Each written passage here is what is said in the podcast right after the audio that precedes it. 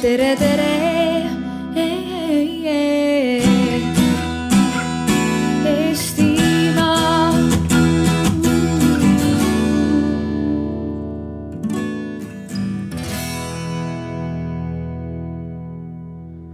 No, oh, tere päevast. olen Toomas Jarmalavičius, äh, äh, teadur ja, ja äh, äh, teadusjuht Rahvusvahelise Kaitseuuringute Keskuses Tallinnast äh, ja minu hea sõber ja, ja naaber ütles, et ütleb, et ja ma olen kodustatud leedukas uh, I will switch to English because the discussion is English and it's a great opportunity for you all to learn what's happening a little bit to the south uh, uh, from Estonia, but also in Estonia. Uh, we decided to put together a discussion on what's happening in our societies. Um, I'm a security person. I, I, study security, defense, and and usually, uh, you know, when you read the national security strategies of Estonia, Latvia, Lithuania, you always find the word cohesion, society's cohesion. That we want to um, our societies to be cohesive, uh, resilient, uh, even if it's not very well defined. Uh, the idea is that you know we as nations uh, as states we should be able to move towards certain strategic objectives as unified uh, uh, societies. Unity is another key word in here. And if we don't have that kind of a cohesion we are fragmented antagonized uh, distrustful of one another inside societies. We are unable to reach any consensus. We are unable to move towards those objectives. We are paralyzed and vulnerable to any geopolitical predators uh, that have some uh, inferior motives towards us, have political designs for us. And now, in being in the front line of, of hybrid war with Russia, uh, we can ill afford that kind of a, uh, situation. Uh, still, we see that in the Baltic states, and that's my feeling, uh, uh, rather than this evidence-based um, conclusion, we still have issues around which we get polarized antagonized, we divide it, uh, so uh, uh, uh, which causes anger, anxiety, you know, pits people, pit people against one another. And by the way, if you if you follow on the Facebook this stages sort of discussions, there's one posting from us where you can actually even vote what kind of issues you think polarize us, our societies most, whether these are in about history and interpretations of history, about geopolitics, uh, uh, about the social economic issues, uh, uh, uh social political issues, and so on. You can find the poll there and vote. And I'll, I'll try to check uh, later on to see what the results are. So far, very few people voted. Um, in any case, we wanted to have a kind of a discussion, and of course, uh, um, there is a risk that you know all the speakers would say everything is just perfectly fine. We are so unified, and you know, the unity prevails. That there's nothing happening here. So we decided to spice the discussion up a little and bring someone from a country where a, lot is happening, and that is Ukraine, uh, uh, to also show an example what may happen if the society gets too polarized. Of course, you may say that in a democratic political system, it's perfectly fine to have certain degree of confrontation, competition, of ideas, of views, of ideologies. It's necessary uh, uh, for healthy democracy, right? But the question becomes is how much is too much? You know, when you really become a dysfunctional polity, unable to move in unison to certain strategic objectives of the future, the stage says, you know, Baltic States 2038, yeah, 20 years from now. Um, so how much is too much? Uh, sometimes it's part of the national character. You probably have this in Estonian saying that the, the best meal uh, uh, for, you know, food for Estonian is another Estonian, right? Uh, this is just saying. You know, in Lithuania we say, you know, the two Lithuanians, five political parties. Uh, so of course, this this this this is uh, this might be a natural state of affairs, but it may get a little too much of the good thing. And when you have regimes next door who are eager to exploit those divisions, drive the wedge between the people, uh, uh, uh, alienate the members of society, especially the government and the, and the society, then you are really in, in, a, in a serious trouble. Um, if you look, you know, it's not unique to the Baltic states. If you look uh, a bit to the broader world, you might have, you might be forgiven to do, for, for drawing a conclusion that the world has gone a little bit mad. If you look at the at the at the uh, uh, antagonism caused by different issues now in the United States of America, you know, Trump versus the rest, and, and, and so on. If you look at the UK, how much you know uh, divisions Brexit is causing, uh, still two years after referendum. Uh, Germany, immigration issues. You know, so there are issues that, that are very acute that come to a head at a particular point of time, and of course the Baltic states are not unique in having their own divisions, but we are in a fairly unique geopolitical uh, uh, setting situation. And to me, as a security person, is always you know the concern is that if we get too far into our internal conflict competition, uh, animosity. Uh, that will undermine our national security. So essentially, we need to look at very different from very different angles into our society: sociological, uh, uh, historical, political science perspective, uh, uh, even psychology.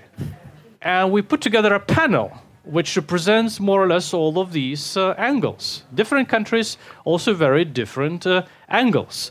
Uh, so let me introduce very quickly uh, our panelists today. At the far end is a very Estonian, our own professor from Tartu University, Anu Realo, who's also uh, associate professor at the University of Warwick in the United Kingdom, uh, and who's a psychologist very renowned, very famous in Estonia, uh, uh, a personality and social psychologist, uh, highly awarded by Estonian state and society for her academic achievements. Uh, very distinguished academic career and and very strong views, evidence-based views uh, on uh, how Estonian society is performing when it comes to its cohesion or vice versa polarization. Then we have Martins Kaprans from Riga. He's with the University of Latvia. Uh, he has a PhD in communication science, uh, but also is, is working on issues related to nationalism, uh, strategic narratives, uh, uh, uh, transnational narratives, as I understand. He's also a media policy advisor at the Ministry of Culture. Uh, so he has a very diverse, diverse perspective uh, on the issues, also contributing also to Center of European Policy Analysis in, in, in, in, in Washington, D.C. Uh, so, again, a perspective from Latvia. Furthermore, we have down the south a perspective from Lithuania, represented by Dr. Kęstutis Girnius, who is in Lithuania a very well-known face. Uh, you know, when you open Delfi.lt, uh, one of the first commentators' face you see usually is him. Uh, he's a historian, philosopher, uh, uh, a, a, journalist, uh, and, and now uh, uh, teaching political science, international relations at my alma mater in Vilnius University. But he's also a, a, graduate of Harvard University, and his PhD comes from University of Chicago. He spent many years working for Radio Free Europe in Munich and Prague. Uh, also, uh, a considerable amount of time spent with uh, none, no one else than, than Toomas Hendrik Ilves, who also was his colleague over there. so we're very pleased to have him. And for dessert, uh, we have someone from Kiev, uh, Dr. Volodymyr Ishchenko, uh, who is a sociologist. Uh, with the, uh, uh, the uh, National Technical University, uh, Kiev Polytechnic Institute. Uh, also has a PhD in sociology from Taras Shevchenko National University. is a founder of one of the think tanks of social research in, in Ukraine. Has been working on the issues for, on the project, for instance, coordinating the project on protest and coercion data project for a number of years. So has been looking at all these issues that that underpin Maidan revolution, for instance, and what is happening now in Ukraine society uh, and, and, state. Uh, uh, and then we brought him in to, to show how bad things can go, and maybe there are certain things that we can learn from Ukraine because part of the society show quite a remarkable degree of resilience. So I have to notice that I am the only one on this panel who doesn't have a PhD. Uh, so I, I, apologize in advance if my moderating it will drag down a little bit the intellectual level of the discussion. but likewise, I want to ask the panelists not to lock themselves into this uh, ivory academic tower. Uh, be accessible, kind of a columnist types. Uh, I understand that for all of you, perhaps I don't know whether you, uh, it's true for you, Martin, but this is the very novel format that you haven't uh, spoken from the stage like this, uh, uh, mostly at academic conferences. So for all of us, it's the mm. first time we we try to engage people. Actually, we don't even know who you are. Um, So uh, this is the first time for us, and we'll try to, to excite you, interest you. So ask questions, be active participants. You are the most important member of this panel. Right, uh, let's get on cracking. I think I'll start with my native Lithuania. Mm. I'm really, really curious to hear how things are in Lithuania. Uh, uh, and then, you know, when I read the newspapers, it, you know, always get the impression that it's a scandalized society, lumping from one scandal to another.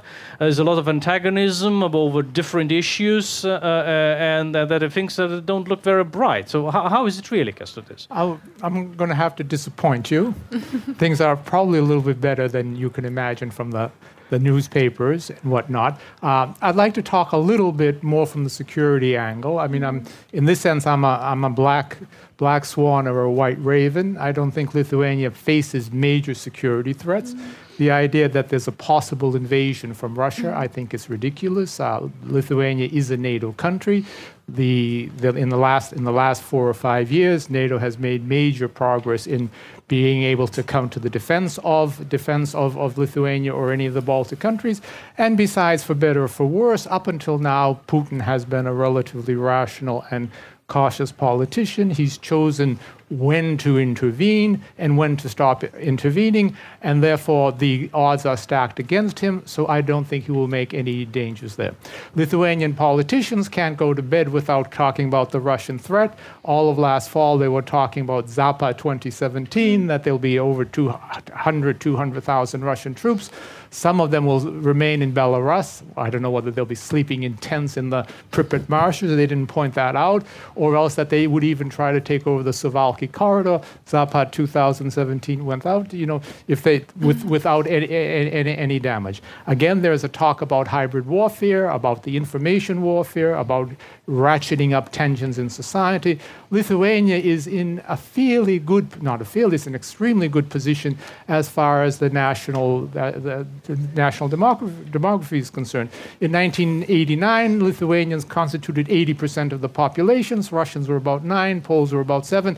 Therefore, the Lithuanians chose the zero option, Lithuania chose the zero option, and everyone got citizenship. So there are no Russian citizens who can complain that we were subject to political appetite or whatnot.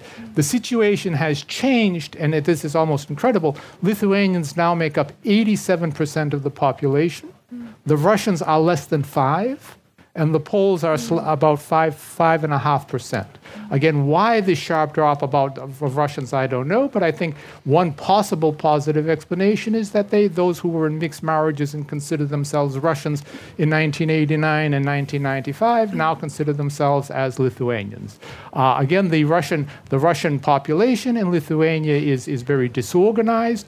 Uh, you have they live in only three cities. Uh, those over 50 are relatively unhappy one of the reasons is they never learned to speak Lithuanian, but most of the young Russians speak perfect Lithuanian. And in my classes, I find out someone is a Russian, not from the way they speak, but when they tell me their first or their last name. Uh, you, with the Poles, you have a slightly different situation. They live in two rayons not far from Vilnius.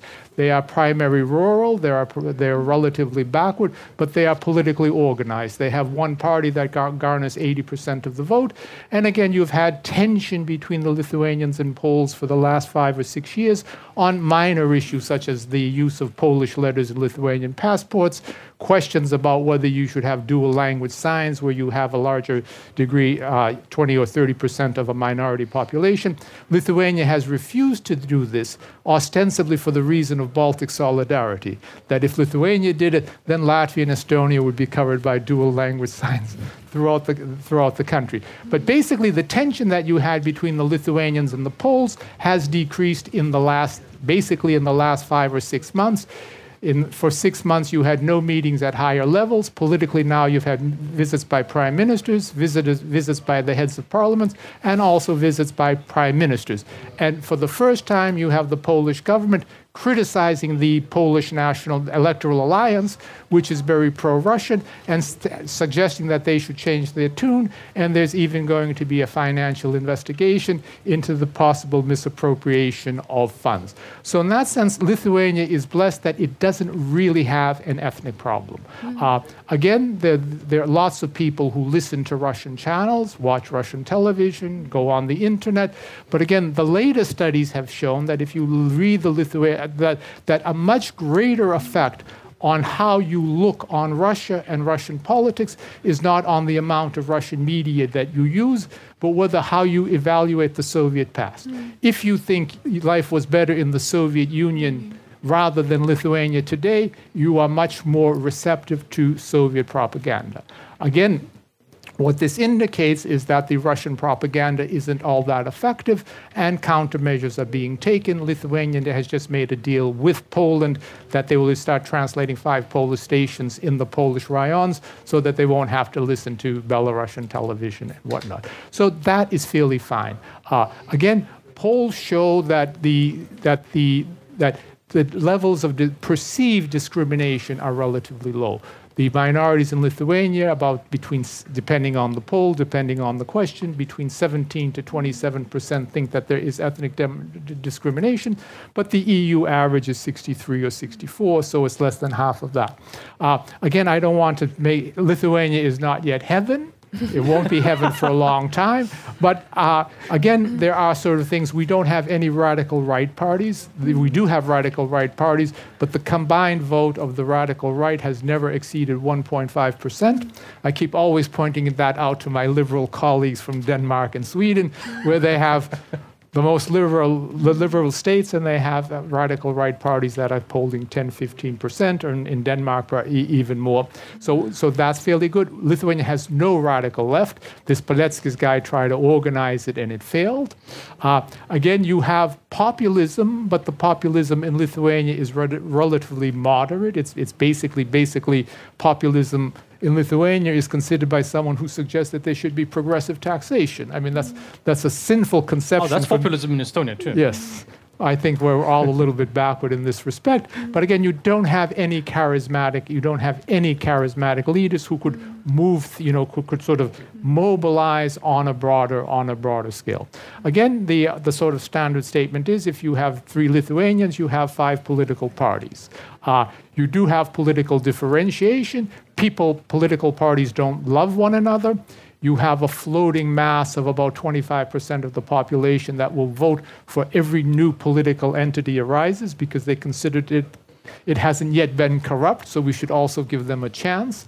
But in that sense, in that sense, despite the fact that you have political that you have political animosity to some degree on the fundamentals of security policy, on uh, foreign affairs, and internal policy, there is um, consensus because the EU and NATO prevails. We have supposedly a populist government here now, and they are sticking to the budget, and they will stick to the budget, so that that that, that will not be a problem. So I think that so so in that sense things are fairly decent, uh, and the the the the major problems are long term migration in 1989, there were 3.7 people, 3.7 million people in Lithuania. Now there are 2.8 million.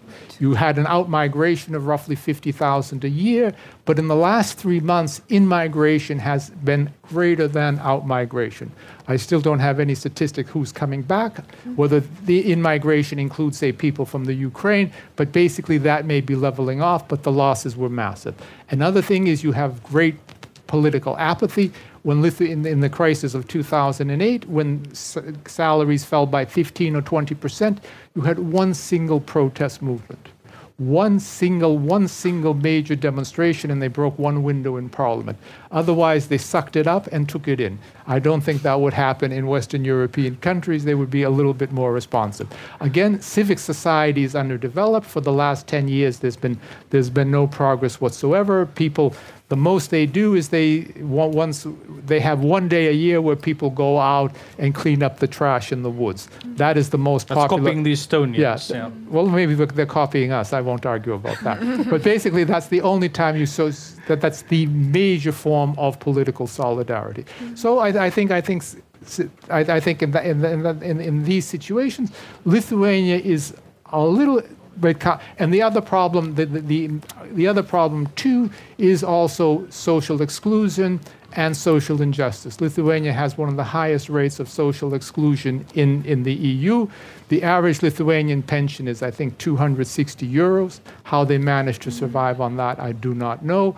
But basically, if there are going to be problems, that eventually, if no effort is made to take into, you know, to, to try to secure a greater deal of, of social equality and social mm. justice, mm. there may be some kind of an explosion, but the explosion would be primarily within the Lithuanian state, and it wouldn't ha- it would it would not be affected by by either Russian propaganda mm. and in any kind of troubles. I think you know when you have the minorities are less than 10%, their role I think is essentially minimal, in, and particularly including the fact that many of the Russians are the younger Russians are relatively happy, and or at least not not necessarily happy, but they're relatively well integrated. But let me ask you this because I, I get a distinct impression, and I had those discussions with some people in, in Vilnius that you know when you when you listen to Lithuanian political discourse, security discourse about this hybrid warfare, uh, information warfare, Russia's influence, and so on, uh, there is this. Uh, um, I'll use the Trumpist term, witch hunt. You know that the, uh, you know everyone is suspected to be Russia's influence agent. You know, secretly working for the Kremlin. I think one of my colleagues even used the term McCarthyism. There's a whiff of McCarthyism in, in domestic politics. That I'll, I'll, you know, attaching this label that you're Russia's agent secretly, you know, in, in the closet, uh, and uh, so then then it's sort of one of the ways to, to score political points uh, uh, and so on. Uh, uh, how much are you worth? Because yeah, well, there, there are people saying you are Russia's agent. Yes, uh, I'm, a, I'm a, an American agent and I'm a Russian agent. I don't know which I am Double on agent. which day. Uh, these Double days, agent. Double it's- A, these, double- these days yes. doesn't make any yeah, difference. But, But, but I, uh, I'm unhappy. I keep looking at my bank account and the payments aren't coming in. maybe I gave them. Maybe I gave them the wrong number. No, I think it is a problem, and I think the if there is a, I mean, it's sort of the almost if something goes wrong, there's the hidden hand of Moscow.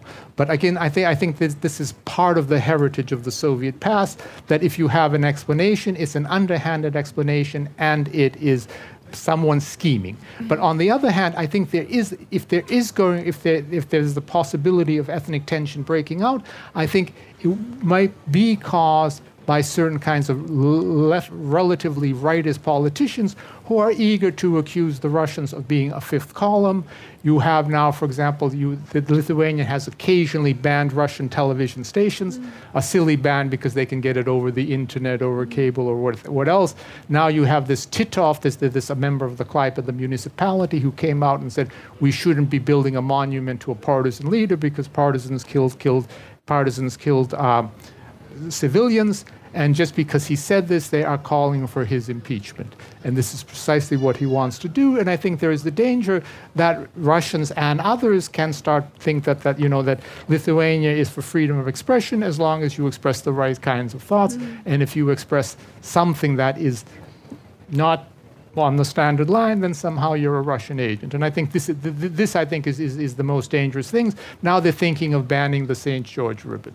So what are you going to do? They're going to ban it. Some taxi driver, or some old lady's going to have it in her, course, you know, pinned to her dress, and you're going to arrest her, stop her, ban her. I mean, I think Lithuanian politicians are more stupid than evil, although some perhaps are both. right. Uh, so, basic message that uh, sometimes we are worst enemies of uh, uh, you know ourselves. To some You know, ra- degree. rather than, than having an external enemy, there's just sort of the, the internal political stupidity and lack of wisdom and foresight that, that and moderation perhaps that that uh, uh, undermines our cohesion and, and security.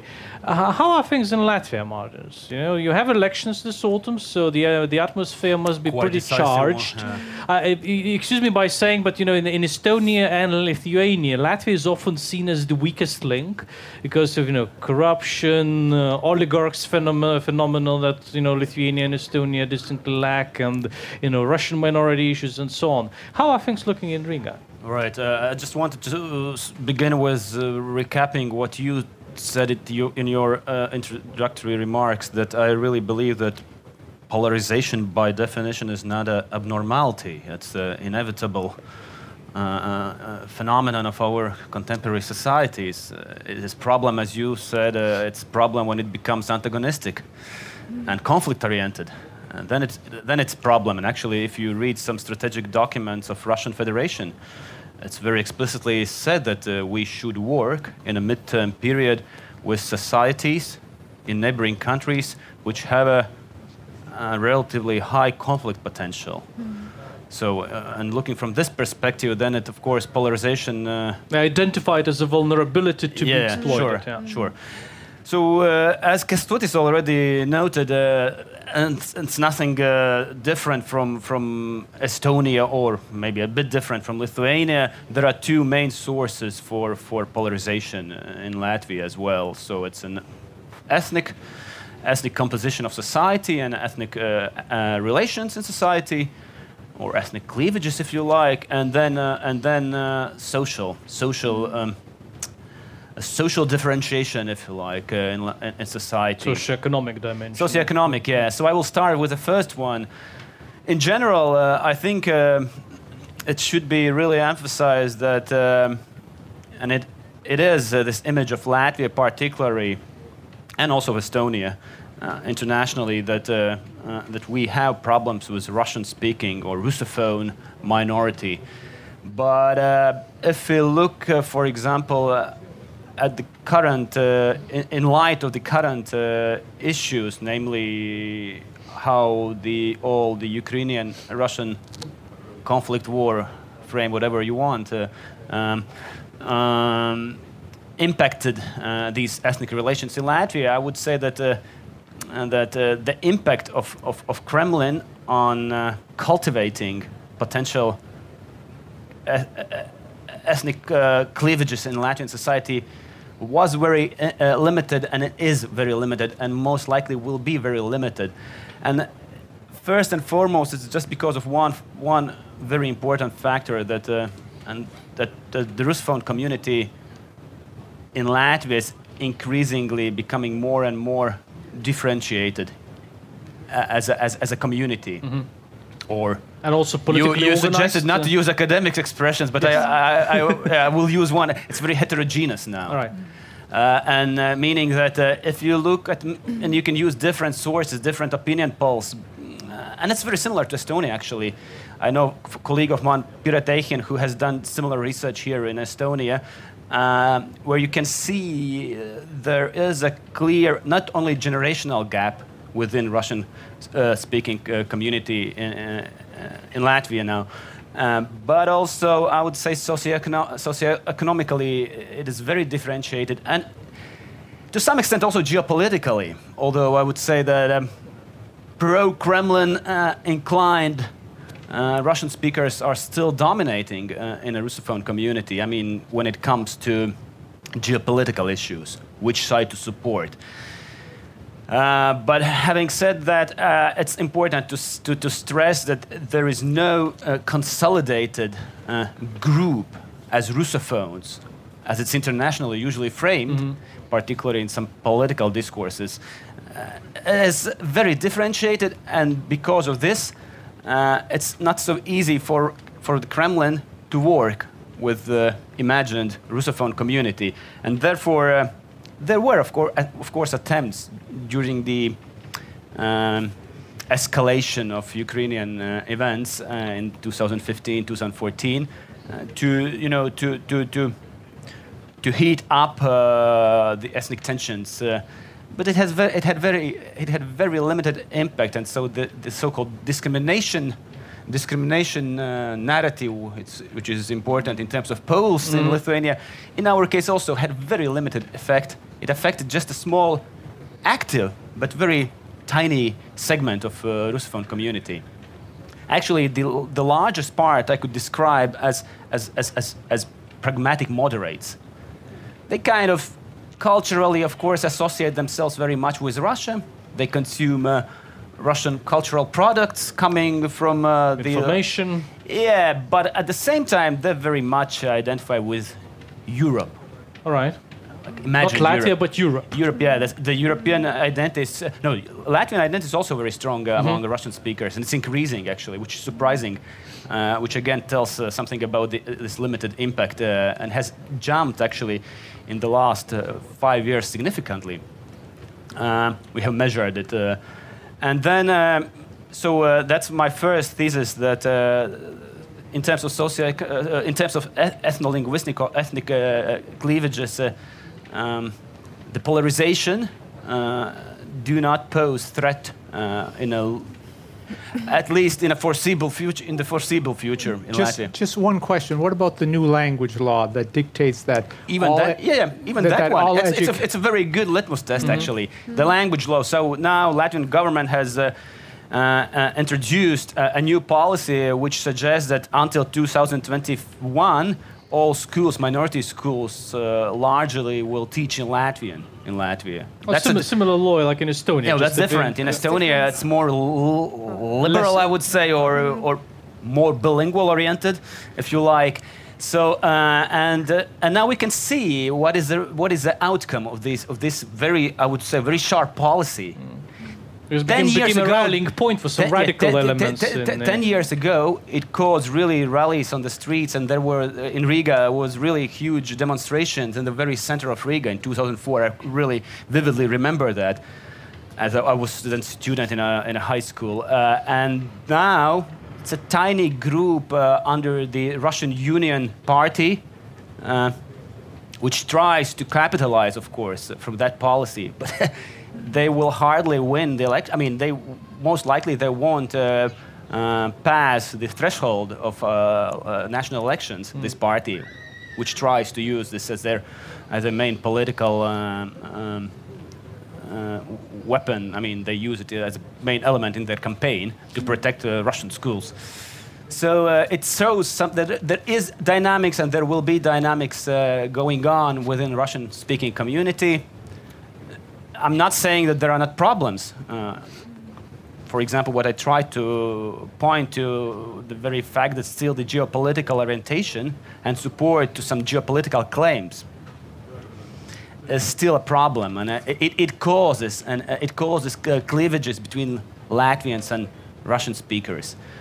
But in general, when it comes to perceived threat, perceived discrimination, it, it, it, it, it does not have a, a, potential to to have a, a to, to, to, to, to you know to have a this very antagonistic yeah, to, to, and- uh, yeah, and to have this antagonistic uh, content uh, or to increase ant- uh, antagonism in society. But now uh, I think it's more important and maybe more sophisticated when it comes to social so, social Socioeconomic differentiations, uh, differentiation and polarization society. In general, all the like in general there are many factors, uh, socioeconomic factors, which suggest that there should not be some antagonistic polarizing forces, uh, namely the income is increasing in general, you know, GDP is increasing, okay, that's a macroeconomic indicator, but still, there are many factors which suggest that there shouldn't be such a, such a potential for, uh, for, for, for, for antagonistic polarization. But at the same time, uh, there is obviously a potential for um, anti-establishment mindset, so to say, and that's a long-term trend because of uh, not necessarily o- that's a Latvian phenomenon that uh, there is a really um, vivid uh, uh, and, and very sharp uh, and dominating what is it dis- disenchant disenchantment uh, uh, from the state among general public in Latvia. So I think the, the, the trust level to the to national parliament is something around 20% who trust. Okay, it's I think in Lithuania it might be similar. No, but, Lithuania, uh, absolutely. yeah, Lithuania but is about 8%. Eight percent. Okay. It's quite high in Estonia. Yeah, so in We Estonia it's a bit different. But uh, uh, why I try to emphasize this anti-establishment thinking, which is also very much was behind Trump's campaign against ruling Washington clique Uh, Drain the swamp. yeah, yeah, drain the swamp and all other things uh, to do. Uh, and and and uh, w- there is a party in Latvia which has a, a very rapidly increasing popularity in society, which very much uh, um, uh, focuses and, and, and, and bases its campaign on very populist anti-establishment, drawing the swamp and all other things, uh, uh, ideas. Uh, and it's uh, now has a second, the last. What's uh, what's the name of the it's a- party? it has an abbreviation in their title of the party. It's a KPV.LV. So it's a KPV. It's a, stands for uh, who owns the country. Oh, Uh, kam Aha. pieder, kam There- I pieder saw there was one discussion actually. yeah, so there's a one of the famous actor saying, who, uh, who is kind of behind, and Yeah, he's the yeah, most kind of yeah, luminary yeah. of this party. There's one discussion actually. One of the stages here, who re- who really runs the country here? You know. the- yeah, so Estonia, perhaps so- they are behind that discussion as well. Yeah. so what I wanted to say, this increasing popularity of that party is a surprise for many, including some political scientists who maybe mocked this party a half a year ago.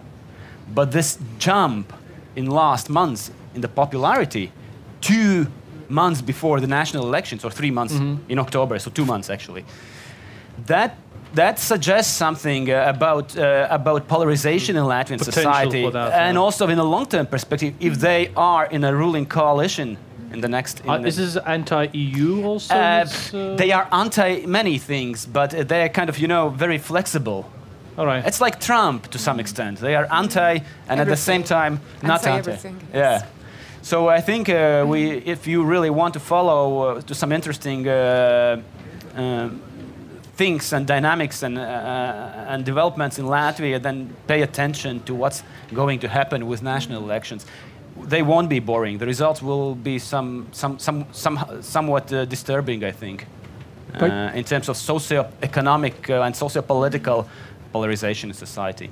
But can Usakov's party be invited? Is there any chance that the they will be invited. would be The invited? likelihood, the likelihood is quite high, and I think uh, you don't have to. I mean, uh, But is that a problem? yeah, it's not a problem. It's, I mean, look uh, in Estonia, similar to win party, so to say. I mean, elect- you mean electorate, centre party, yeah, electorate is a bit different, uh, maybe, but still very similar. And they still have a contract with Kremlin. But Usakov actually, you know, the, he he, Yeah. he renounced the, the contract uh, this year, or yeah, so as a, So used it's not a a part of his campaign. yeah. uh, So uh, that's not a tragedy, but I think uh, in general, uh, the coalition building, next coalition buil- building, will be very, very hard. I think, Sh- looking at the current uh, political landscape and how it is going to develop after the elections, will- the coalition building might be a minority government also. I'd rather have that than a ma- strong majority that even changes the constitution, as in Poland or Hungary. so let's move on a little bit, you know, to tranquil Estonia, Yes. where nothing seems to be happening. It's sunshine, and uh, you know the country closes for summer mostly, uh, and and uh, doesn't have, seem to have any problems. But Yes. uh, you know, uh, there's probably something happening under the carpet. We also have elections coming fairly soon, so election campaign will kick off uh, uh, fairly soon as well. see. And this ethnic uh, issues, is, you know, sort of resurfaces once in a while, and some tensions uh, around that. How, how are things are here in, in Estonia? Um, it's really interesting to see how Estonia, Latvia, and Lithuania are similar in so many ways, and at the same time we are so different. It's just amazing because quite a few things which Martins and Kęstutis already brought up. This is exactly what I wanted to say. I wanted to start with a sort of ethnic division in Estonia, language division, which we all know so well, which has been discussed for so many years. I mean, I don't know how much money has been spent on examining this issue and sort of, you know, spending. We've spent loads of money um, trying to come up with some practical solutions, how to integrate, you know, people and so on and so forth. Uh, at the same time, um, and of course, there are still problems. Um, it looks really, really happy and beautiful, and I mean, it looks amazing, and the festival looks amazing, absolutely.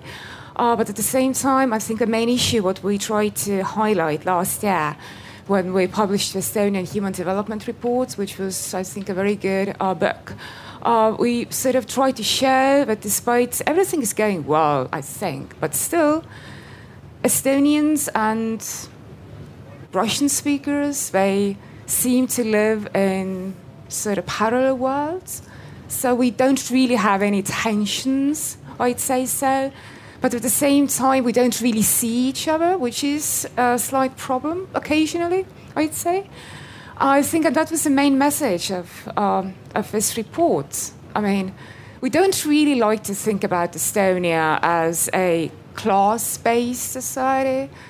We'd like to think that it's very egalitarian, very Scandinavian, you know, kind of Nordic. Regardless country. of Gini index. Yeah, yeah, yeah. Well, yes, that's exactly what I'm um, going to talk about in a second. Uh, but this is not quite true. And what we showed in this report, uh, we could talk about at least two different classes in terms of, I don't know, different language groups or ethnic groups, because these two groups have different levels of income, uh, different levels of education, or even different uh, mortality rates. I mean, it's, it's really a class based society in a way. Um, but this is something we already know, and I think people have sort of come up with different solutions, and people are working hard, I hope, in order to overcome this. So, this is one threat, I guess. Maybe it's not a security threat, but I think I don't really want to have that kind of society. I mean, I think we should aim for a different type of society. We are too small. Um, our geopolitical position is too fragile in order to have that kind of class based society.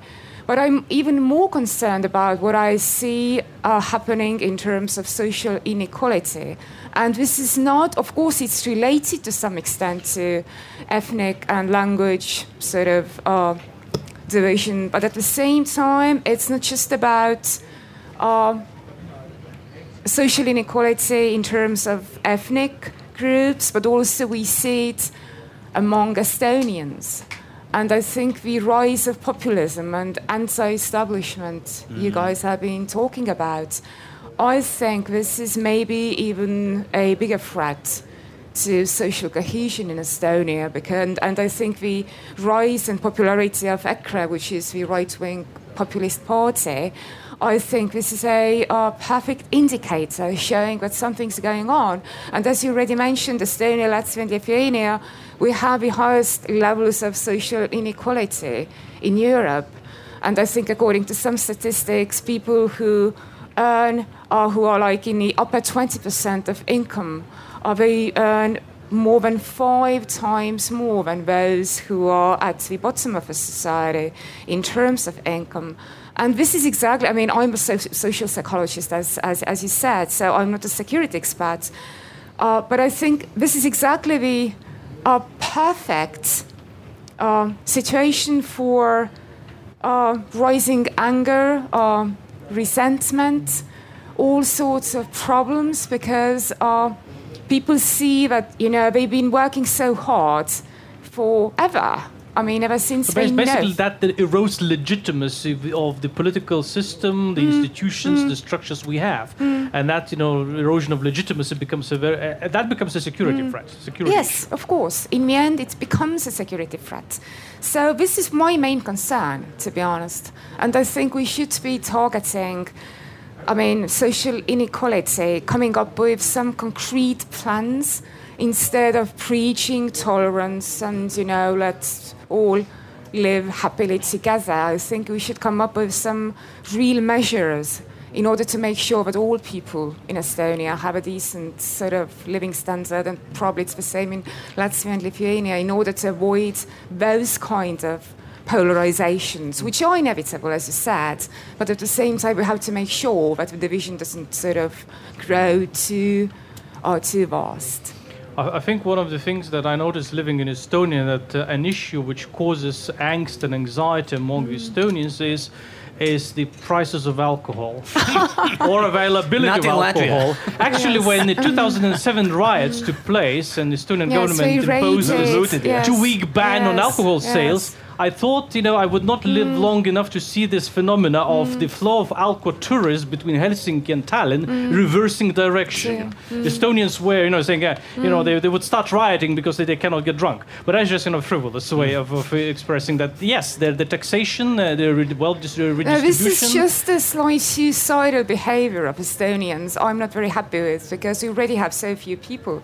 And if you look at the number of road accidents and a number of people who drown every year and number of people who are murdered and number of people who I don't know, I mean, all sorts of accidents happen all the time. And I think it's partly related to this love for um, alcohol, I'm afraid. Yeah, thank Yeah. you for a good point. Um, but there's interesting, actually, it leads to another direction of a discussion. One of the uh, indicators of extreme polarization is, of course, violence. If you start having, you know, political violence in the country uh, uh, directed at uh, certain groups or, or, uh, and so on, then it's already a very good indicator that uh, something has gone extremely wrong. And even uh, when you start having fights between the members of parliament, physical fights in the chamber, that's another good indicator. That which makes me turn to Ukraine because you had some fights in the parliament between the punches being exchanged, and you have political violence in the, in, in the country. Uh, uh, you have a war taking place in the country, which sort of lays over certain divisions, regional, linguistic, and and and so on. Uh, and Ukraine, actually, one of the uh, was already alluded. Well, actually, Ukraine was also quite a divisive issue in the Baltics. I saw, you know, family members stop talking to one another because their interpretation of what is happening in in Maidan, in Crimea, in Donbass was so different. Uh, uh, that you know the, the member you know sons would stop talking to the to the parents you know Lithuania and then you know and so on. So you know Ukraine in itself was quite a dividing issue here in, in the Baltics. But how are things in, in Ukraine down there? How, wh- where, where are you heading now? Uh, I'll start probably from not from the most recent events, but with some background. And uh, it would be uh, very easy to make some parallels and to talk about Russians and Russian speakers, but uh, I'll speak more about two crucial differences, uh, which and probably not really so much present in the Baltic countries, but which were actually crucial to understand what happened in Ukraine. So uh, the, the the conflict was uh, not so much with the Russians and not so much with the Russian speakers even, but this was actually the conflict within Ukrainian identity itself. Because basically there are two different Ukrainian identities.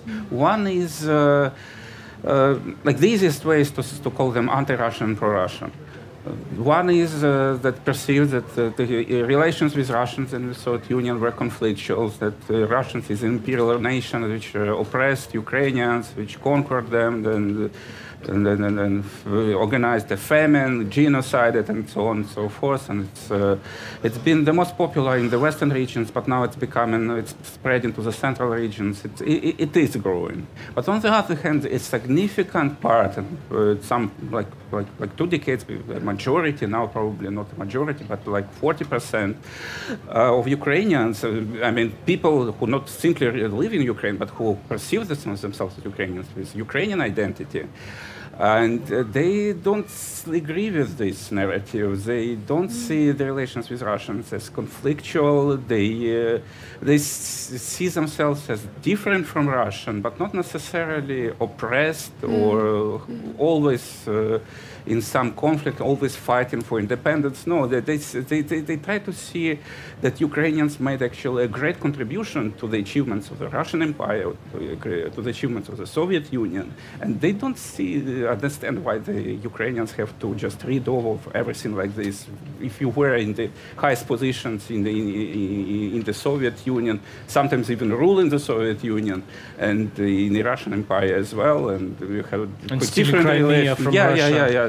So uh, wh- why, why should we perceive ourselves as a always, oppressed colonial nation and uh, Russians as always uh, some imperials like uh, in, in, this kind of anti-Russian narrative. So and the conflict between these versions of Ukrainian identity was actually have never been solved it, it, it, I, I don't say, say that it is uh, like inherently conflictual, uh, but uh, there are problems, and there should have been some uh, wise governmental strategy to uh, build something new based on these conflictual narratives and to propose some new uh, narrative for Ukrainian identity, for the new Ukrainian state that appeared in unify everyone, yeah. 1991. Yes, to try to, to bring all Ukrainians from the west and from the east together in, in, in building a new Ukrainian nation. But th- there have been no uh, serious strategy in this respect, and there is no strategy now. And uh, now uh, comes uh, another crucial difference uh, of the kind of a class-based and. And uh, that I suppose was not so much uh, serious in the Baltic state, the oligarchs, uh, the people who basically stole the Soviet industry and started to make huge super profits uh, selling the cheap Ukrainian goods to, uh, to different countries. And uh, unlike in Russia and Belarus, the, no oligarchy clan monopolized the whole power. No Putin or Lukashenko appeared. The Ukraine was always divided between different three, four, five, six uh, major oligarchs, more or less of the same level. Whereas Ukra- the- Ukrainian democracy? uh, yeah, uh, it's not democracy, it's pluralism. It's, it's, it's, it's different. It's an oligarchy pluralism. And they were competing with each other, and uh, they didn't find anything better than to start to use all these regional ethnic language cleavages in order to outcompete their uh, their competitors. And uh, one of the highest polarization points were in 2004, the so-called Orange Revolution, where Viktor Yushchenko was competing against Viktor Yanukovych. Uh, and both of them use these divisive narratives. Yushchenko used against Yanukovych uh, the point that he is pro-Russian, that uh, Donbass is actually not so much Ukrainian um, regions, as those people who live there are almost of the secondary nature. Not precisely the Yushchenko, but many of his supporters, they, they moved to this kind of like Donbassophobia. And Yanukovych against Yushchenko used the, the narratives that we are now recognizing as kind of like a Russian propaganda, but it was not actually a Russian propaganda, but they, they already started to say that Yushchenko is a fascist, that he is supported by extreme uh, nationalists, that he is uh, pro-American and no, not really independent, and so on and so forth. And th- that was a very high point, but uh, they quickly uh, get into the kind of like elite compromise, so didn't get into the violence.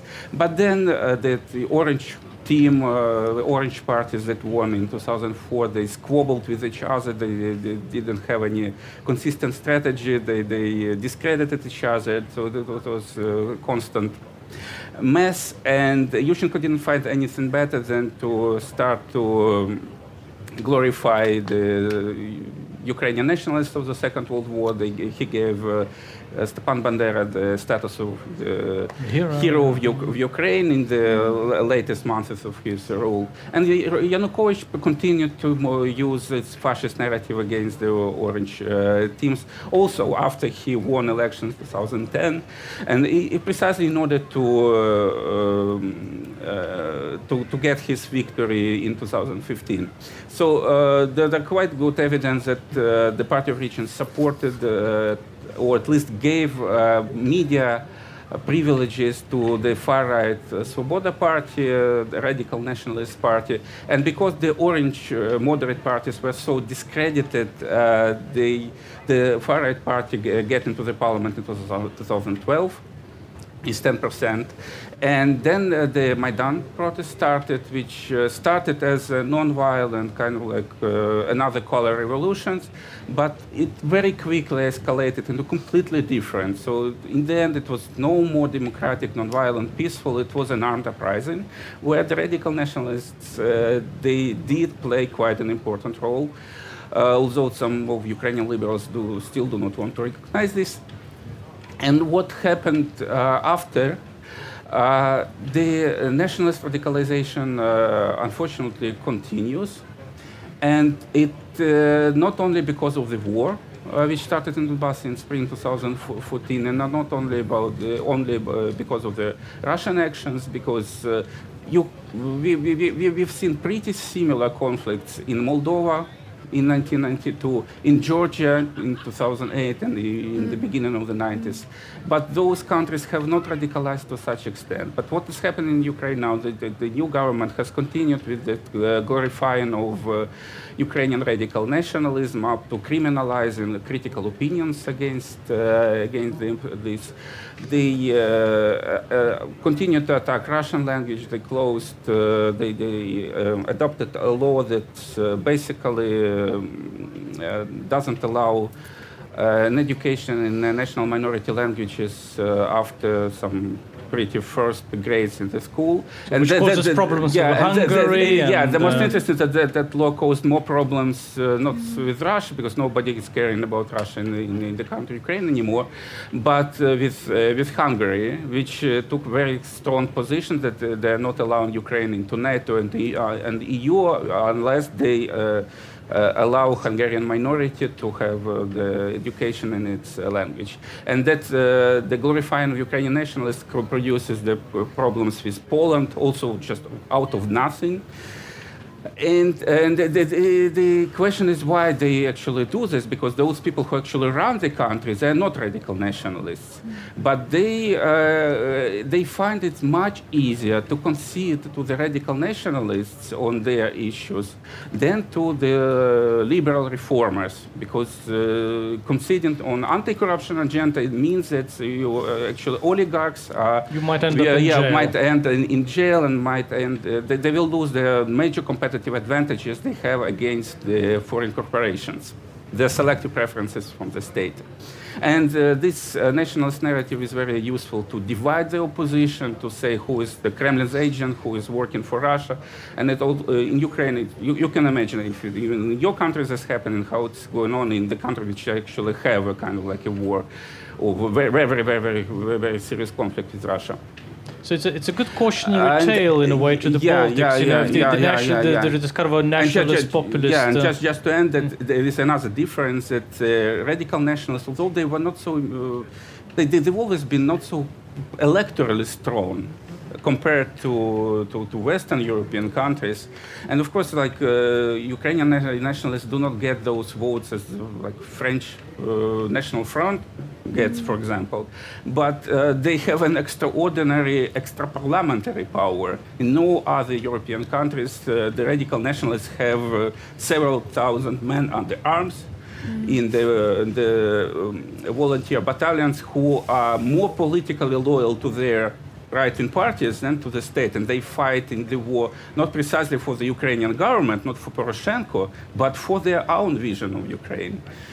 And uh, they, the nationalists have the strongest mobilization potential. No, no no other moderate party, no other, no coalition of liberal NGOs can get to the street so many uh, activists that uh, Ukrainian radical nationalists can uh, can do, and they push forward this radicalizing nationalist agenda. So in the end, it it, it, it ends kind of like, in a kind of like a vicious circle where the interests of the oligarchs now ruling the countries and the interests of uh, the radical nationalists they converge in some point and they, they produce this very uh, dangerous and self-destructive suicidal dynamics that will only uh, be uh, uh, in the short term it will only uh, escalate in the next year during the presidential and parliamentary elections, where many candidates will attack each other who is more pro Russian, who is more pro Ukrainian, who is working for whom, and so on.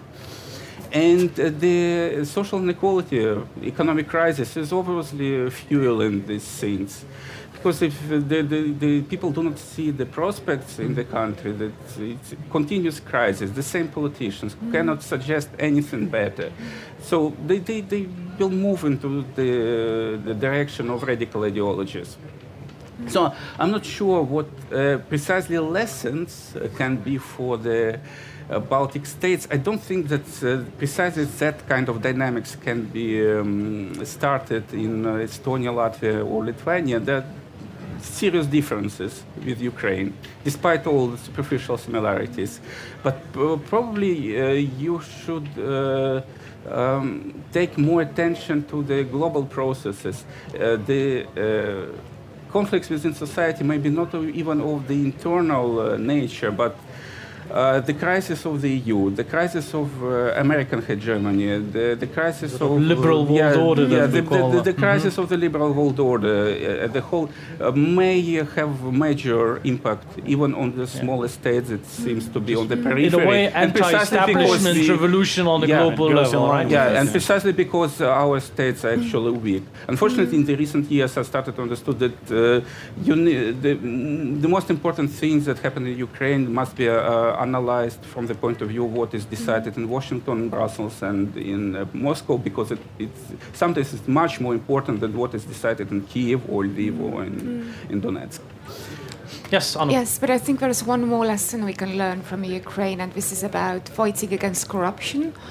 Because I think that's really, really vital, and I think that's the main difference between Estonia and Latvia in a way. Because, I mean, also the official levels And of corruption. Lithuania as well. Yes, in Lithuania, and also the perceived level of corruption. If I talk to young young people from Latvia and Lithuania, and I ask them, especially from Latvia, why do they go abroad? They all say, I mean, we go because of corruption. There is absolutely nothing we can do about this. And as we know, the level of corruption, especially the perceived level of corruption, is strongly related to the level of trust in the government, in the parliament. of government policies exactly, and exactly. And, and, and this is exactly what we say is really positive in Estonia. We can't really explain this very well. Why do we have such high levels of trust? But one of my explanations is exactly the uh, somehow, somehow, miraculously, we were able to fight against the rise of corruption. And, and I think that's really, really vital also in terms of social cohesion um, and security. But you're also doing much better economically, and that also is a major factor. Well, not so well, maybe. I mean, That's a comparative thing. Yeah. yes. so. Right, now we have you. And you must have questions. Uh, there must be also microphones. So who is uh, is somebody actually handling the microphones? Yes? We can need, uh, so one, two, three hands. A microphone is coming. First there.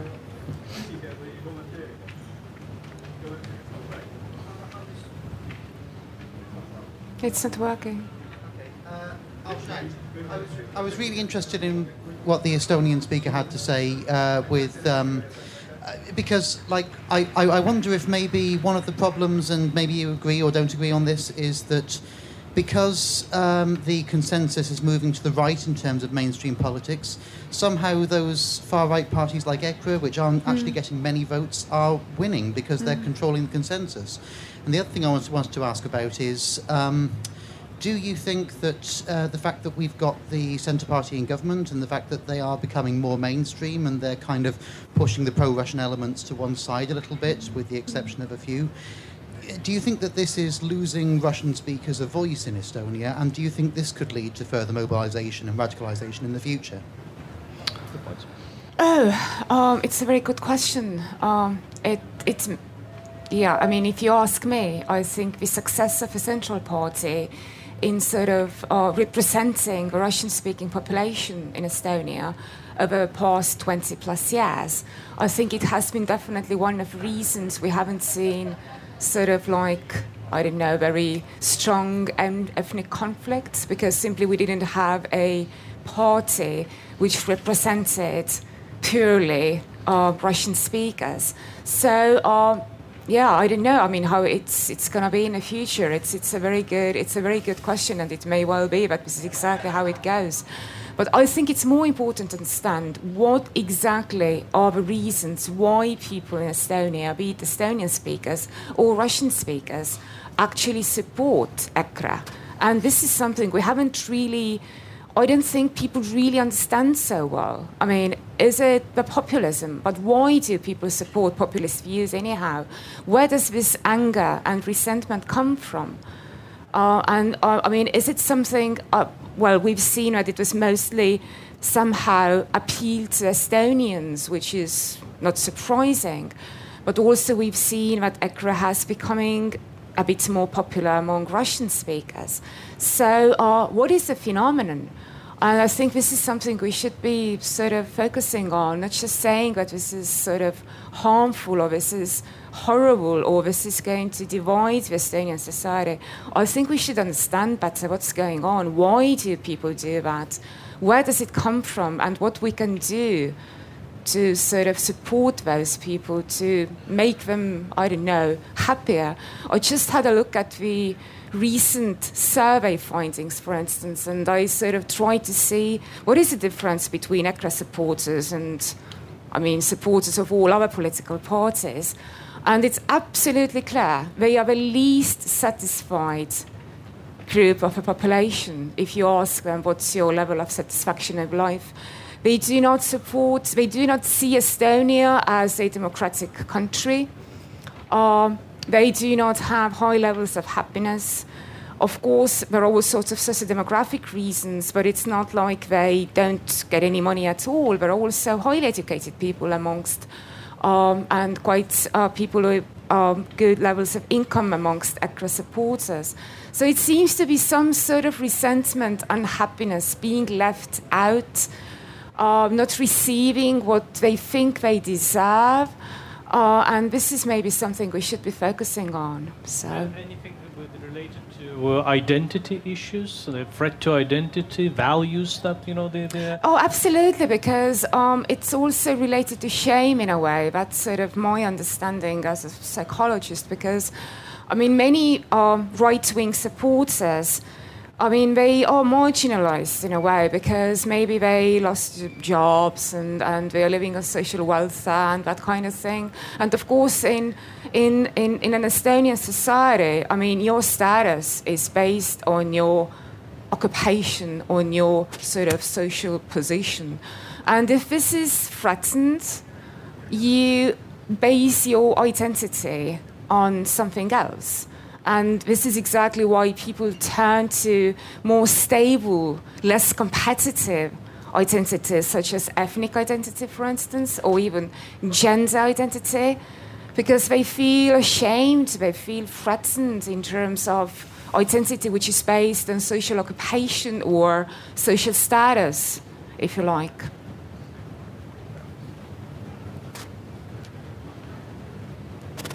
Uh, look, I have a couple of questions. Um, is there any evidence that um, socioeconomic differences within society lead to um, security issues or security problems? Um, here in Estonia, I don't see a great deal of economic or socioeconomic differences compared to, say, other countries like, say, India or somewhere mm. like that, mm. which seem to be uh, relatively stable. Mm. And um, I think with regard to Ukraine, I think I had a question. I wasn't clear about how the nationalists in the Ukraine feel about Western Ukraine, which was taken from Poland after World War II. Do they consider that to be part of Ukraine? And would they defend that Western cities, say, from. Oh my nationalists uh, there in Western Ukraine. They're happy about Yeah, I mean, I don't know how that, what that dynamic is in, in, in Ukraine's historical justice. I think I suggested on socioeconomic uh, uh, uh, aspects and linkages to security. You know, any uh, any of you can can pitch in. That's a, you know, you there is no clear causality you can show and demonstrate between socioeconomic factors and uh, attitude towards uh, security issues, if I understood you correctly.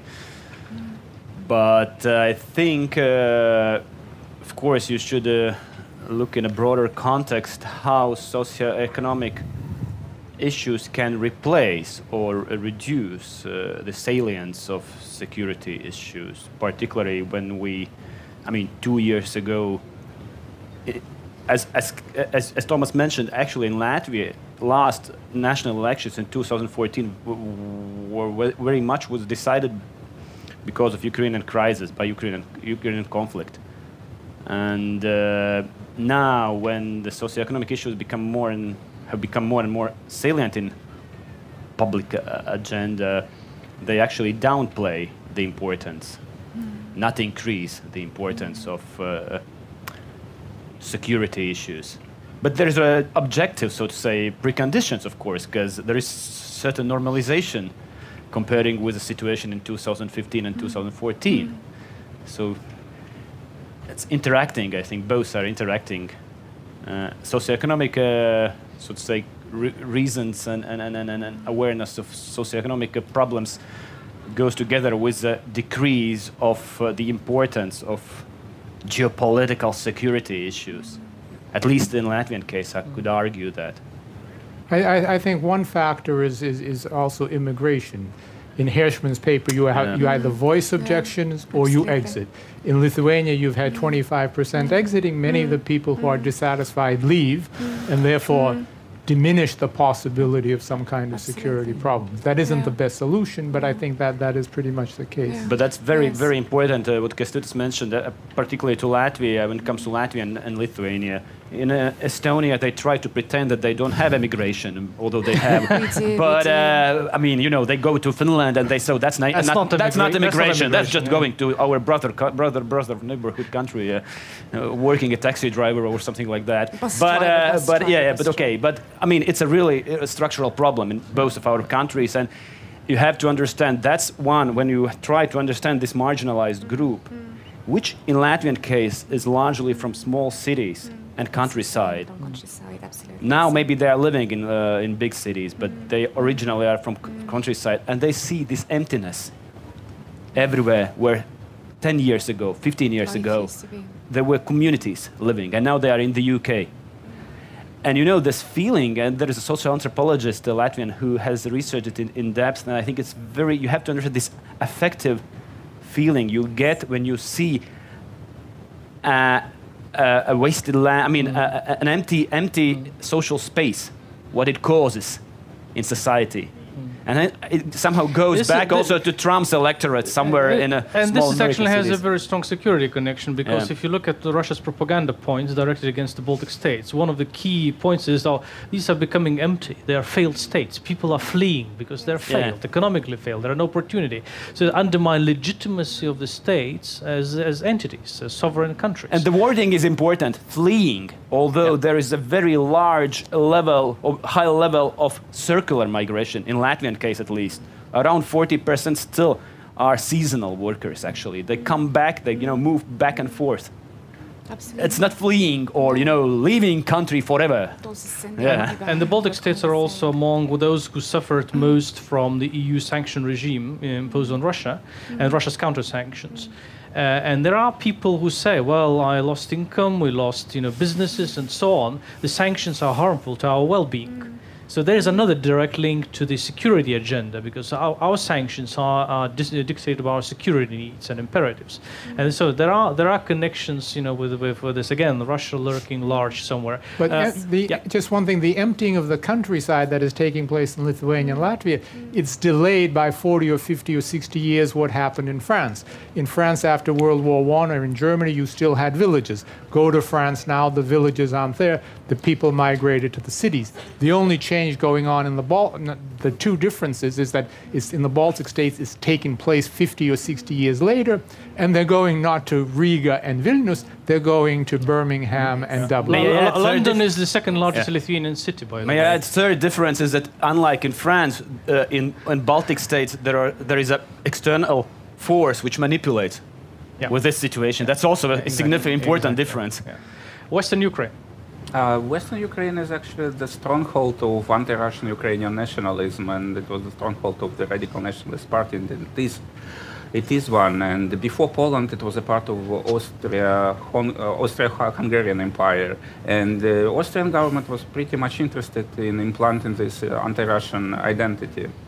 And uh, the, of course, there is uh, this conflict in the Ukrainian nationalist narrative that uh, they are extremely anti-communist and uh, obviously anti-Stalin and uh, criticize the Mol- Molotov-Ribbentrop pact, but uh, that was precisely the political action that brought Western Ukraine into Ukrainian Soviet state.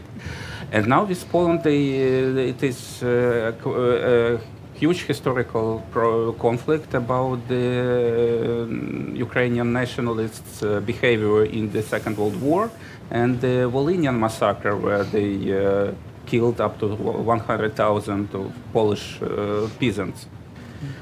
And the Polish government re- recently recognized it as a genocide of the Polish population, and they even went so far as to ban so-called Banderovit uh, ideology. Criminalizing uh, public um, uh, actions in, in, in, in, like denying the genocide and saying something unfavorable of those guys. But for Ukraine, uh, unfortunately, and for, for the current government as well, and for the logic I, I just described in my talk, they still continue this glorifying line that uh, silencing these issues, silencing Ukrainian nationalist participation in the Holocaust, silencing their terror against the Soviet citizens after the Second World War.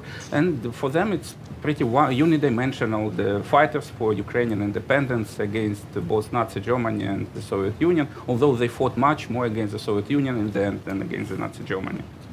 History still divides. Um, first, thank you very much for a very nice panel, very interesting and very enlightening. Um, I will continue the trend and, and, also ask a twofold question. So, as a fellow Latvian to a Latvian, I will ask a question about. Um, for the first time in the last 25 ye- years, we have a chance of pro-Russian party actually entering the coalition and actually being a governing party. And uh, in this regard, uh, have you noticed any change in their own narrative? Have they reformed their narrative to sort of more become more central or cent- centrist and to cater to a more sort of wider spectrum of electorate? And uh, do you think that their electorate in this regard will also change eventually and shift from predominantly Russian speaking to um, to a more yeah broad-based electorate, and also focus not on not so much on the ethnic cleavage, but more social economic uh, cleavage. And the second question is uh, somewhat related, but it's not specifically Latvian. Why do you think is it so difficult in the Baltic countries to actually uh, do some progressive economic policy? I mean, it seems to be re- really obvious. Uh, there is inequality, high levels of inequality, but politicians really tend not to touch it. it it's like it, it stinks. It, they really don't touch it.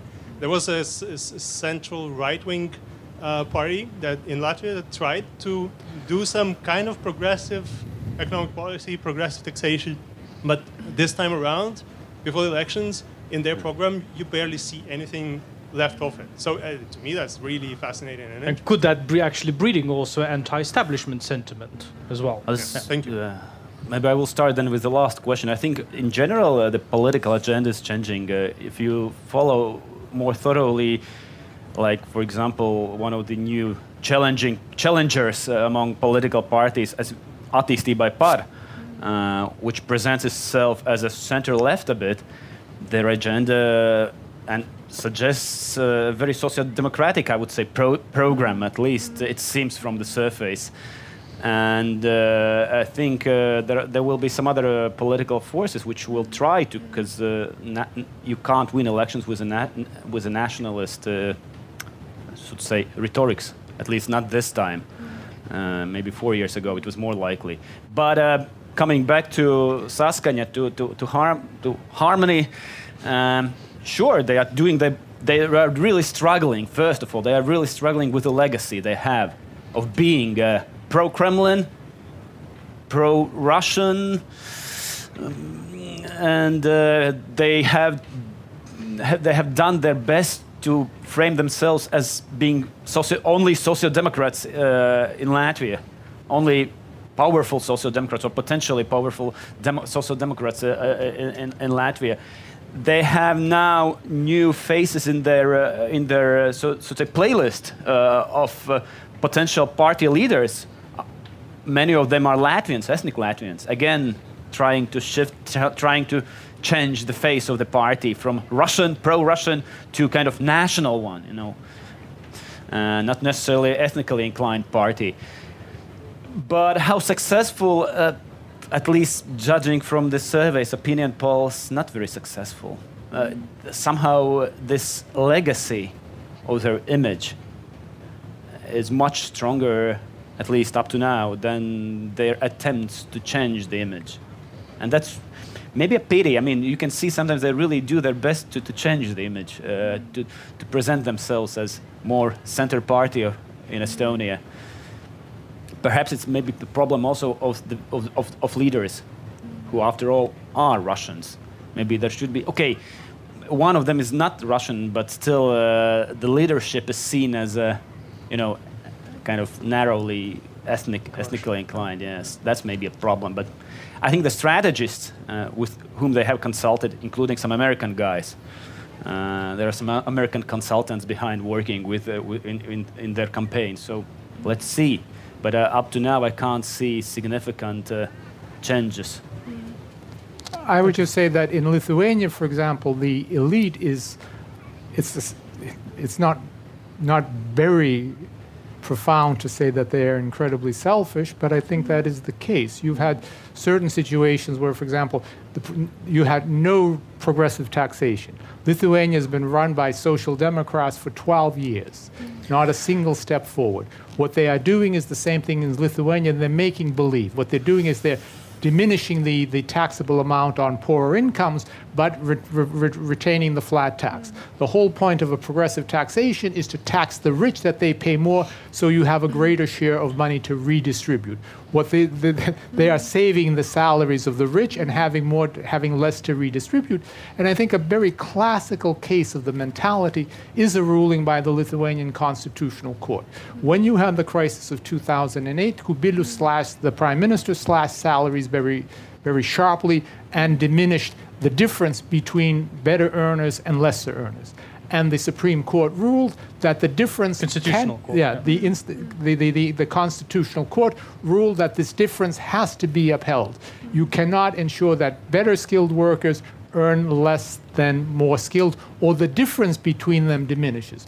So basically, it's become a principle of constitutional law that if you earn a if you earn an awful lot, like being a judge on the Constitutional Court, you are entitled to this by the Constitution itself. And I think that's indicative of the mentality broadly among what you would classify the elite. So any effort to, again, anything the IMF says Lithuania does immediately, except when the IMF says you should bring in a real bring in a real estate and an automobile tax. Then all of a sudden the IMF doesn't exist. There's some strangers from Geneva. yes, Anna. Yes, I think to your second question about um, about Estonia. Um, I mean, in my opinion, it's all about the Estonian mindset in a way, and also what happened. Um, right after the Estonian independence at the beginning of 1990s, all those radical extremely capitalist reforms we had. In a way, I think Estonians still believe that this is the key for our success, that we've been successful. I mean, we've been successful because of all those radical capitalist reforms.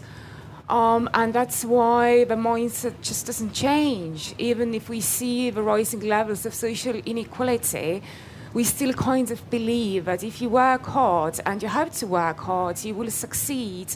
And of course, it's your task to take care of yourself and maybe of your immediate family. But what happens to the rest of society, you know, this is not really your concern.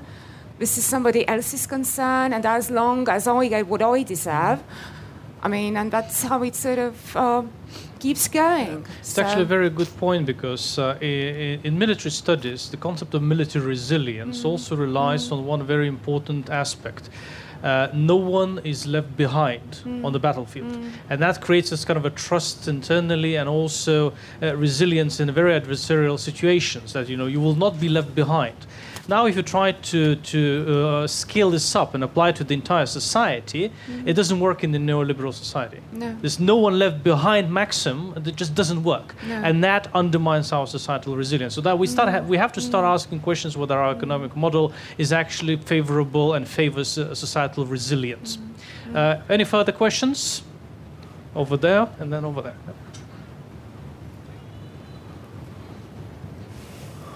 Um, so my question would be about the role of youth in Baltics and Ukraine and its political participation. Estonia has just recently lowered uh, its uh, vote age to 16, and Lithuania has just passed the law on for the can- age of the candidates who want to participate in the municipalities elections. Mm. And I wanted to ask, do you think these processes are going to help the security situation, maybe hurt it? I don't know. And should Ukraine follow the path of the Baltics? Thank you. And Lithuania, by the way, raised the alcohol uh, uh, legal limit to 20. so, th- does that affect security? Certainly. Uh, so, who will start?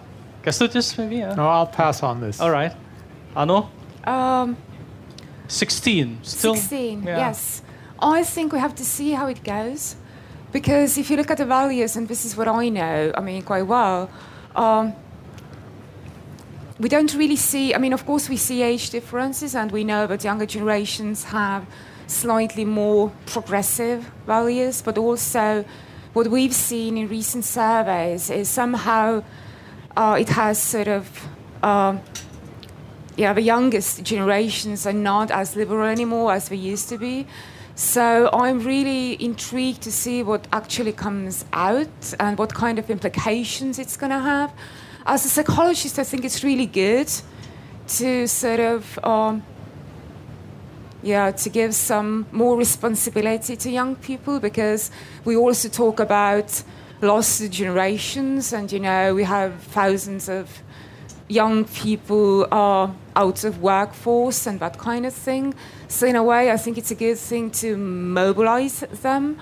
But we really have to see what kind of implications it's going to have. Because if you asked me maybe five, six, seven years ago, I would have said that, of course, you know, uh, probably the outcome is going to be, I don't know, I mean, people are going to support more tolerant and sort of future looking, you know, parties and so on and so forth. I'm not so sure anymore. As I said, young people, in a way, are becoming even more conservative than people born in 1970s, uh, especially also beginning of 1980s. So, um, so it's definitely interesting, but I don't really want to predict anything how it's going to impact the outcome of elections. That's scientist uh, attitude. Let's wait and see when the evidence presents itself, right? Yes. Vladimir, do you have anything to say about Ukraine? Um, I, I, I don't know actually the specific discussions that led to, that dis- decision in the Baltic states, but for me it sounds like uh, it, it has something to do with the voters' turnout to the elections, uh, because the, part of the uh, reason for the success of uh, Uh, Kaczynski in Poland and mm-hmm. Orban in Hungary, mm-hmm. it's precisely that the older people are coming to the elections, but younger mm-hmm. people are not coming to the elections.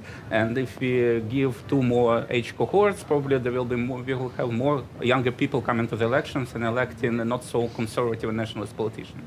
How it would work in Ukraine, it's, it's not even discussed now, so it's not even a political issue. Um, Ukraine is, is, is again, it, it is different. Uh, if in Western European countries the younger people are more liberal and uh, more progressive, much more compared to the older generations, in Ukraine it is not. We have really many young Ukrainian nationalists, and um, they they would they not necessarily vote for progressive liberal parties. And many of those nationalists are now uh, actually the, the, the most extreme right groups are recruiting people among the youngest, uh, among the teenagers, 16, 17, 18, and those people are uh, already participating in the politics, but on, not in the electoral politics, but uh, extra parliamentary violent politics. Mm-hmm. Ju- uh, Just, just to bury aside, the U.S. Marines used to like get used to like getting 16-year-olds mm. because they could be brainwashed most easily. Now you have to be at least 18.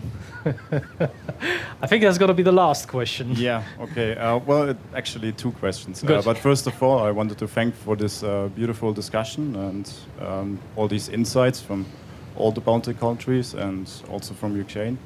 Uh, my first question goes basically to Estonia. Um, we, uh, I follow the Estonian uh, discussions also about this uh, Russian-speaking minority uh, and how can they better integrated into the society because I also have this point of view that they're in a way two societies living next to each other and there are discussions about the citizenship for years and it doesn't make any progress it seems There is some progress. There is some progress. There is. definitely. Yes. so yeah Yes. this is my question how is the situation at the moment and hmm. are they heading somewhere uh, to find finally a solution.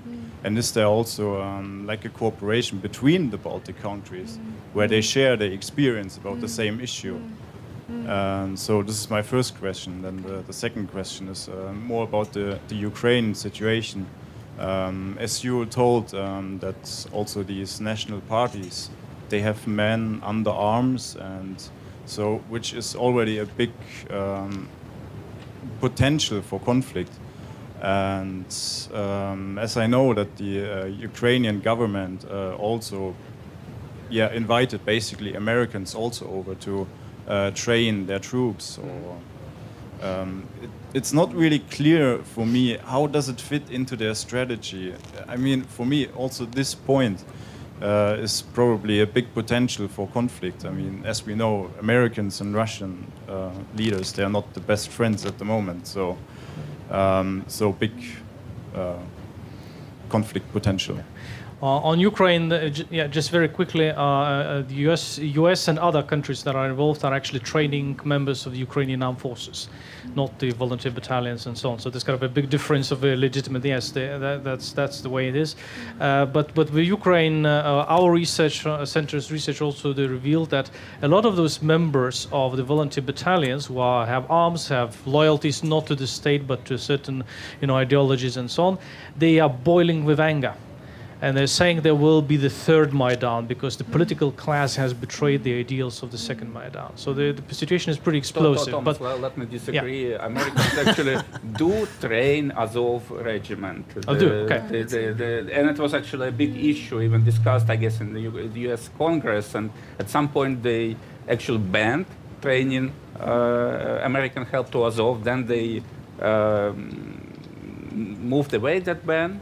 And uh, to my understanding, they still uh, train them because Azov, uh, although this is a pretty much politicized unit, and it created its own political party, the National Corps, and it was uh, formed by extreme right neo-Nazi activists in uh, 2014. Uh, but it is uh, a legitimate part of the National Guard. Uh, the structure Under is Minister in of the Mini- Interior, Mini- yeah. Minister of Interior, so th- there is a kind of like a position. And Uk- Ukrainians just say that this is just uh, like like any other regiment in the National Guard. So why do you why don't to help them? Why not? But uh, it is not just another regular regiment. things are complicated. Yes. I know. Yes. Okay, about your first question. Um, I think about 85% of the Estonian population has Estonian citizenship, if I'm not mistaken. Uh, about 9% of the population has Russian citizenship, and 6% sort of. Alien. Yeah, yes. Well, I don't really want to use this word because it sounds horrible. Anyhow, grey passport, so to say. And of course, the percentage of population with Estonian citizenship has increased slowly but steadily over the years. So this is a good sign, definitely, and it's going in the right direction. What I find concerning is the percentage of young people whose parents were already born in Estonia, but whose grandparents immigrate, immigrated to Estonia back in 1940s, 1950s. So basically, the second generation of immigrants. 20% of those young people don't have Estonian citizenship and they don't they, they, many of those young people don't care because they are better off having grey passports, which allows them to travel freely not just in a year but also in, in former soviet union countries or they don't really feel uh, very Does- strongly doesn't oblige them to serve in the military. Yes, that's definitely another thing. So, in a way, they find it useful. And if you ask me, I think this is a political decision, and all these young people, I mean, I mean, they should, if they want to, and I think if it was made easier, they should receive Estonian citizenship. I mean, why not? Because, I mean, they've lived here for such, such a long time. They don't know any other country except for Estonia, because already mom and dad were born in Estonia and so on and so forth. So this is something definitely, this is a political thing, and this is something we could do to improve the situation. Or in terms of living in two parallel worlds, I think we explained it quite nicely in the Estonian Human Development Report that it all starts in, in the school system. And basically, I mean, it's, it's, it's again a good example of a class-based society because if you, if you know the UK, for instance, it, al- it already starts at the age of five when children go to school because some kids go to public schools, which are in fact private schools. It's very complicated, of course. Uh, other kids go to local schools and so so forth. And in the end, they never meet because they go to different universities and so on and so forth.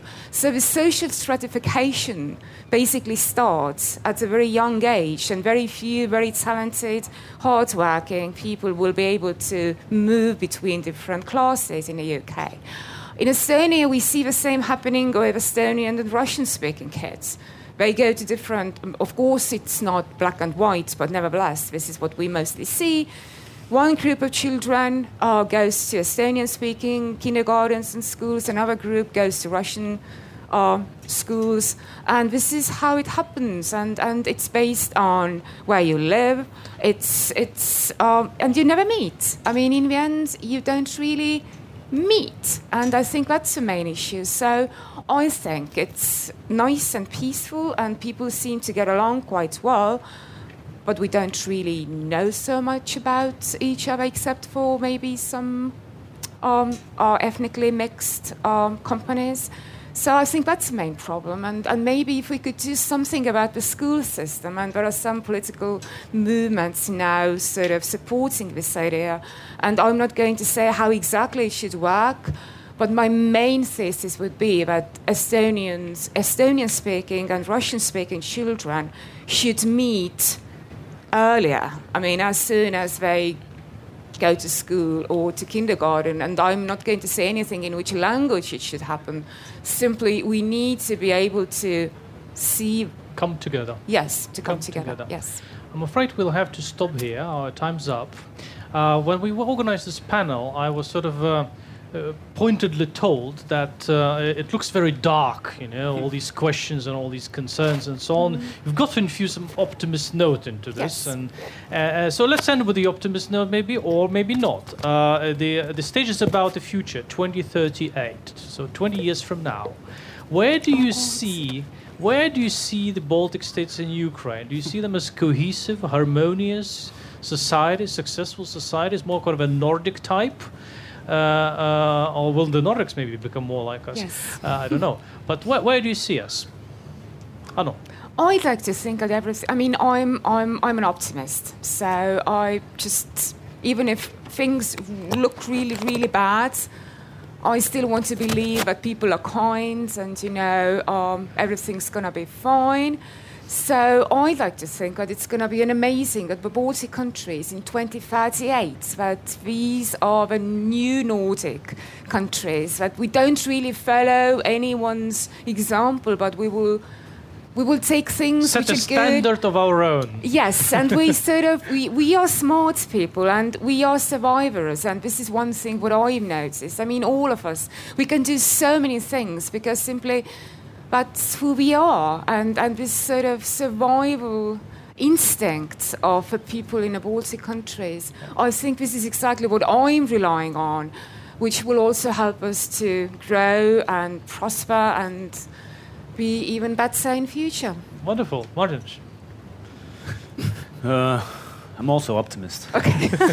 But I cautious think, one. Yeah, I think. Uh, Pessimistic I don't optimist. know. Uh, I, I think uh, first uh, the ur- urbanization, which we can see now uh, in our countries, will be finished, and all the society will be largely living in big cities. I'm n- I don't know what's going to happen with countryside then. But, Forest. uh, either for, either forest or we will, or the, the, the land will be you know It's going to be a big national rented park. to Da- Danes, uh, Swedes, and some Chinese. other or Chinese. Yeah, some Chinese communities already Yeah. are uh, They developing buy in land Latvia. in yes. Africa and I don't have anything Yes. against Chinese uh, if they you know They need contri- farmland, yeah. contribute to state budget. As long as we speak Latvian. uh, also important thing, uh, but uh, I think. Uh, I'm not very optimistic uh, with respect to international order. Mm, I think that's more important uh, and and, uh, and decisive factor in terms of predicting what's going to happen in 2038. in- yeah, Yeah. I think maybe there won't be any European Union. Uh, mo- it's very likely, but there will be some Has- Hansa U- Union, I think. Something else. Yeah, Something which else is better for us. I think. Historically, I think it was better. Good. But do you think that Estonia and I, Latvia will be I one just like, state? I just like to quote. We will Latvian, Li- Lithuanian Commonwealth. Let's do Okay. this. Yeah, Nikolai Krasov is a Bulgarian Bulgarian political analyst, very wise and sage person.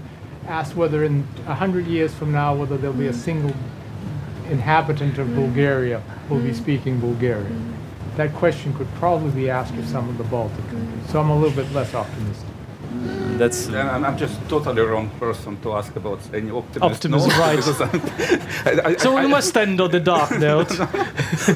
I, am not even sure that such country as Ukraine will simply exist in uh, 20 years. Unfortunately, there are so many factors that are tearing it apart. And uh, not only internally, but also, uh, like as mentioned, the international order. We just need to start understanding that what is uh, going to happen in the future may be, it's not necessarily so, but it is very highly likely that the world we are going to see will be less secure, less democratic, more violent, and we need to be prepared for it. But is this a surprise for you? Because as in Estonia, this Oh, is what sorry, I'm used have to. We have to. We have to cut Yes. here. We have to leave it Yes. here. But I, you know, I hope that when we meet in 2013, uh, 2038, you'll be wrong. You'll be wrongish. And you'll be right. Ladies and gentlemen, thank you very much for your patience. Thank you for participation. And thank you. And Not too bad for Ivory Tower, right?